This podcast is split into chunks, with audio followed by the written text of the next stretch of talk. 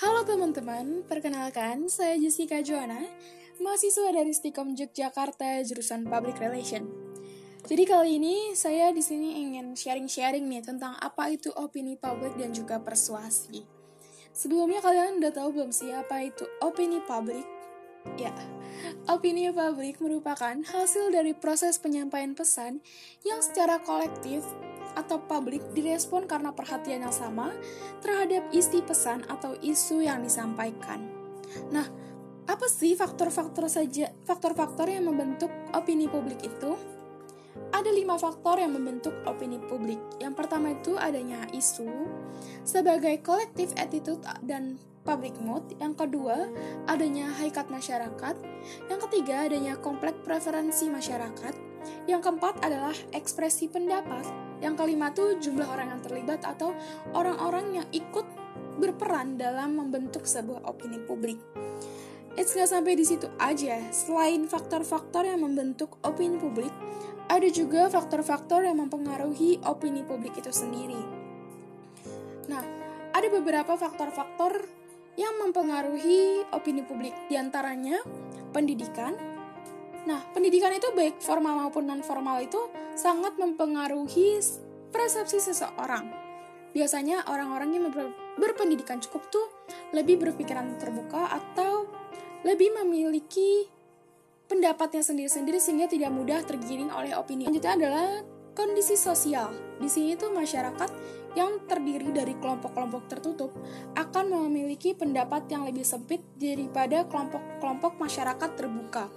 Jadi kalau misalkan di sana tuh misalnya ya kayak punya desa atau daerah yang memiliki um, kebudayaan atau sangat tertutup gitu, itu biasanya akan sulit menerima kemajuan teknologi-teknologi sehingga mereka akan sulit um, melakukan komunikasi dengan dunia luar gitu. Selanjutnya adalah ideologi. Nah, di sini adalah Ideologi sendiri adalah kristalisasi nilai yang ada dalam masyarakat. Ia juga merupakan pemikiran khas suatu kelompok karena titik tolaknya adalah kepentingan ego, mak pada egoisme atau kelompokisme. Seperti itu. Selanjutnya adalah organisasi. Dalam organisasi sendiri kita dituntut untuk berinteraksi secara langsung dengan orang lain dengan berbagai macam keanekaragaman dan kepentingan mereka sendiri. Dalam organisasi ini kita dapat menyalurkan pendapat dan keinginan kita juga. Nah, karena kelompok ini cenderung bersedia menyamakan pendapat, maka pendapat dalam kelompok ini akan menjadi sebuah pendapat umum yang mudah terbentuk sehingga menghasilkan sebuah opini-opini publik yang mereka rasa itu tuh akan menjadi sebuah visi misi mereka atau visi misi organisasi itu.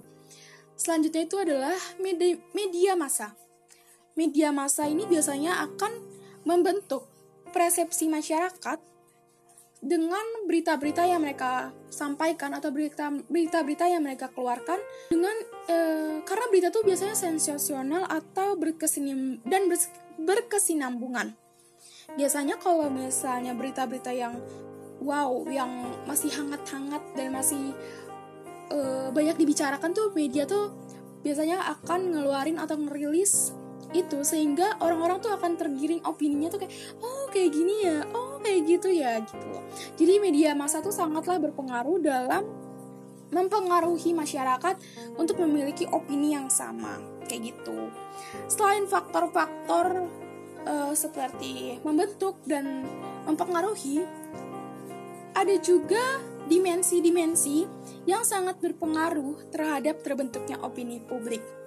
Nah, apa aja sih dimensi-dimensi ini yang pertama itu adalah waktu karena waktu itu sangatlah tergantung oleh unsur percayaan, pengalaman, dan juga tindak-tindakan yang dilakukan oleh sumber berita.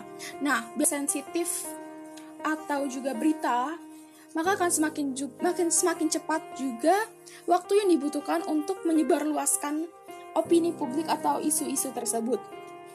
Yang kedua adalah cakupan. Biasanya besar kecilnya isu sangat berpengaruh pada cakupan opini yang terjadi. Misalnya ada isu tentang keagamaan, isu tentang politik, itu biasanya akan cepat berpengaruh dengan opini publik yang ada.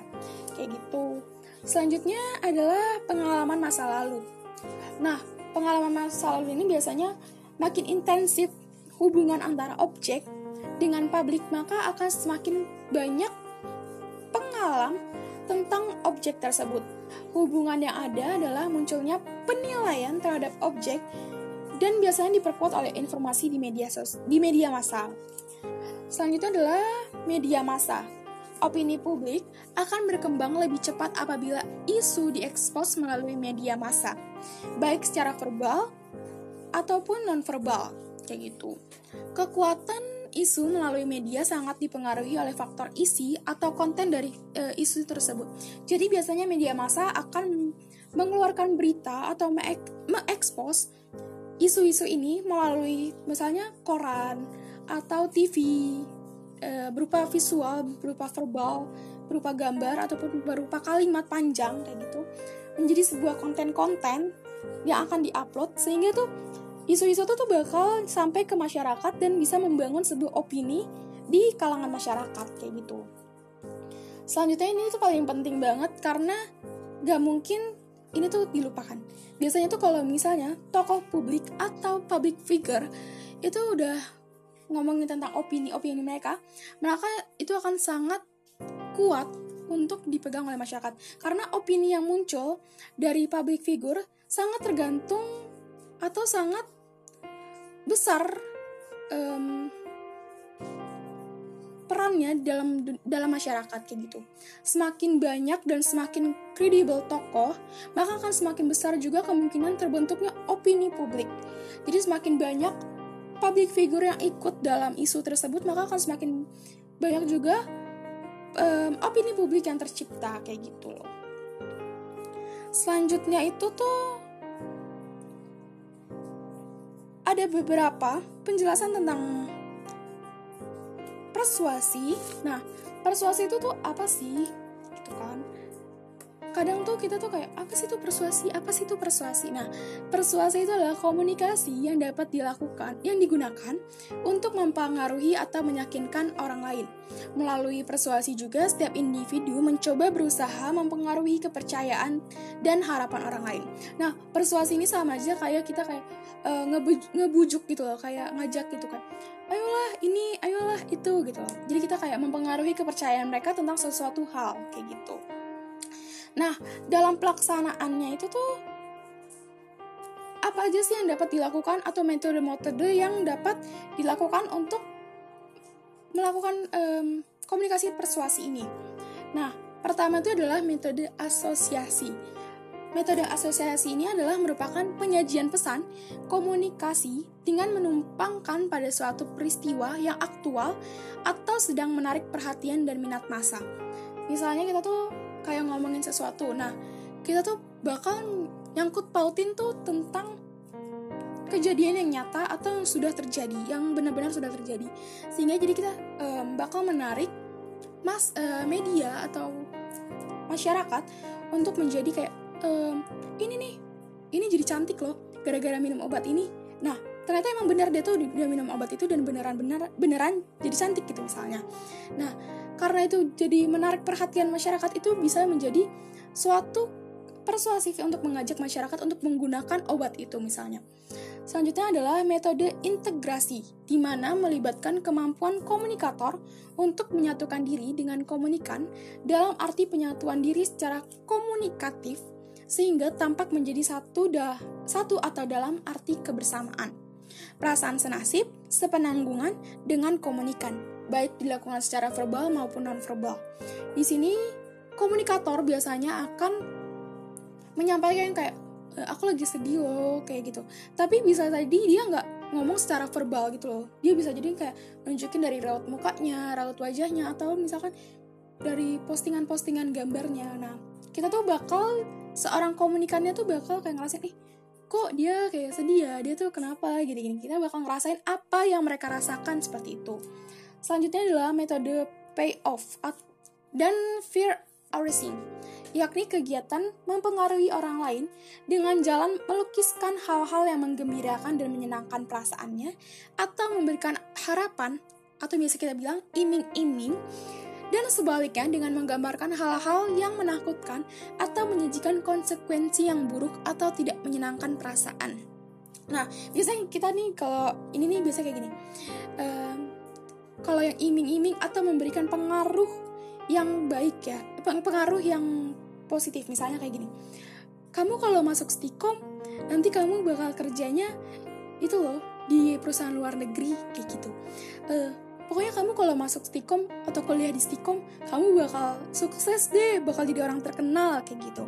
Nah kalau iming-iming yang menjadikan konsekuensi buruk atau yang menakutkan itu tuh bisa jadi kayak kamu kalau uh, kuliah di A nanti kamu jadi gembel. Atau nggak misalkan kalau kamu kuliah di A kamu nggak bakal dapat kerjaan yang bagus kayak gitu. Itu menjadi metode payoff and fear arousing nah selanjutnya adalah metode easing yaitu menjadikan indah sesuatu sehingga menarik bagi siapa saja yang menerimanya.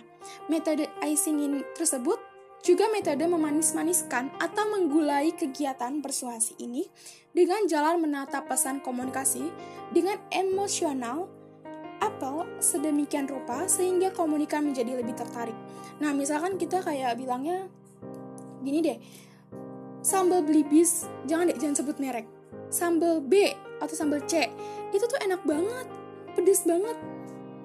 Um, pokoknya enak deh pokoknya beda deh sama sambal-sambal yang lain kayak gitu. Itu tuh uh, pokoknya yang apa yang ada di sambal B itu nggak ada di sambal A, A C B D gitu. Nah itu tuh biasanya kayak gitu itu memanis-maniskan atau menambah-nambahi biasanya kita biasa sebutnya gitu. Nah di sini tuh aku ada sebuah contoh kenapa opini publik itu eh persuasi itu sangat rekat dengan hubungannya dengan opini publik. Jadi tuh misalnya ya, aku ini pendapat aku atau persuasi aku. Salah satu hak warga negara adalah memilih hak pilih. Warga negara berhak memilih calon legislatif dan eksekutif yang akan mewakili mereka di pemerintahan. Penggunaan pilih ini biasanya dirayakan dalam pesta demokrasi, yaitu pemilu. Hak pilih seharusnya digunakan dengan bijak. Sebelum memutuskan, hak pilih kita perlu mengetahui visi dan misi calon legislatif atau eksekutif ini. Serta pelajari bagaimana dampak dan kebijakan yang akan mereka rancang. Jangan memilih berdasarkan popularitas saja, tetapi pertimbangkan latar belakangnya juga. Pilih wakil rakyat dan pemerintah yang betul-betul mempresentasikan suaramu gunakan hak pilih dengan jujur, bebas, dan adil. Nah, dari contoh kalimat persuasi yang aku buat ini, ini tuh aku mengajak kalian atau menggiring opini kalian untuk mengikuti pemilu itu dengan jujur, bebas, adil, dan bijaksana. Aku menggiring opini kalian agar kalian tuh memilih um, calon-calon legislatif atau eksekutif ini tuh secara bijak, secara emang mereka tuh emang bakal mempertimbangkan atau mensejahterakan masyarakatnya mereka bukan hanya untuk kayak ikut-ikutan doang kayak oh dia tuh terkenal dia tuh artis loh oh dia tuh ini loh kayak aku bakal pilih dia. Enggak tapi kita harus tahu apa yang mereka akan rencanakan apa yang akan mereka pertanggungjawabkan apa yang mereka rancang untuk mensejahterakan masyarakatnya kayak gitu. Di sini aku ingin membangun sebuah opini publik agar masyarakat masyarakat tuh agar orang-orang juga tuh bakal memilih um, pemimpin nanti tidak secara popularitas saja atau tidak secara dengan terkenal saja bukan orang-orang yang terkenal saja tapi memang benar-benar orang-orang yang memiliki kemampuan untuk mempertimbangkan atau untuk membangun masyarakatnya lebih sejahtera. Seperti itu teman-teman. Nah itu dia sharing aku tentang persuasi dan opini publik jadi, terima kasih udah dengerin sharing-sharing aku tentang opini publik dan persuasi. Sampai jumpa dan terima kasih.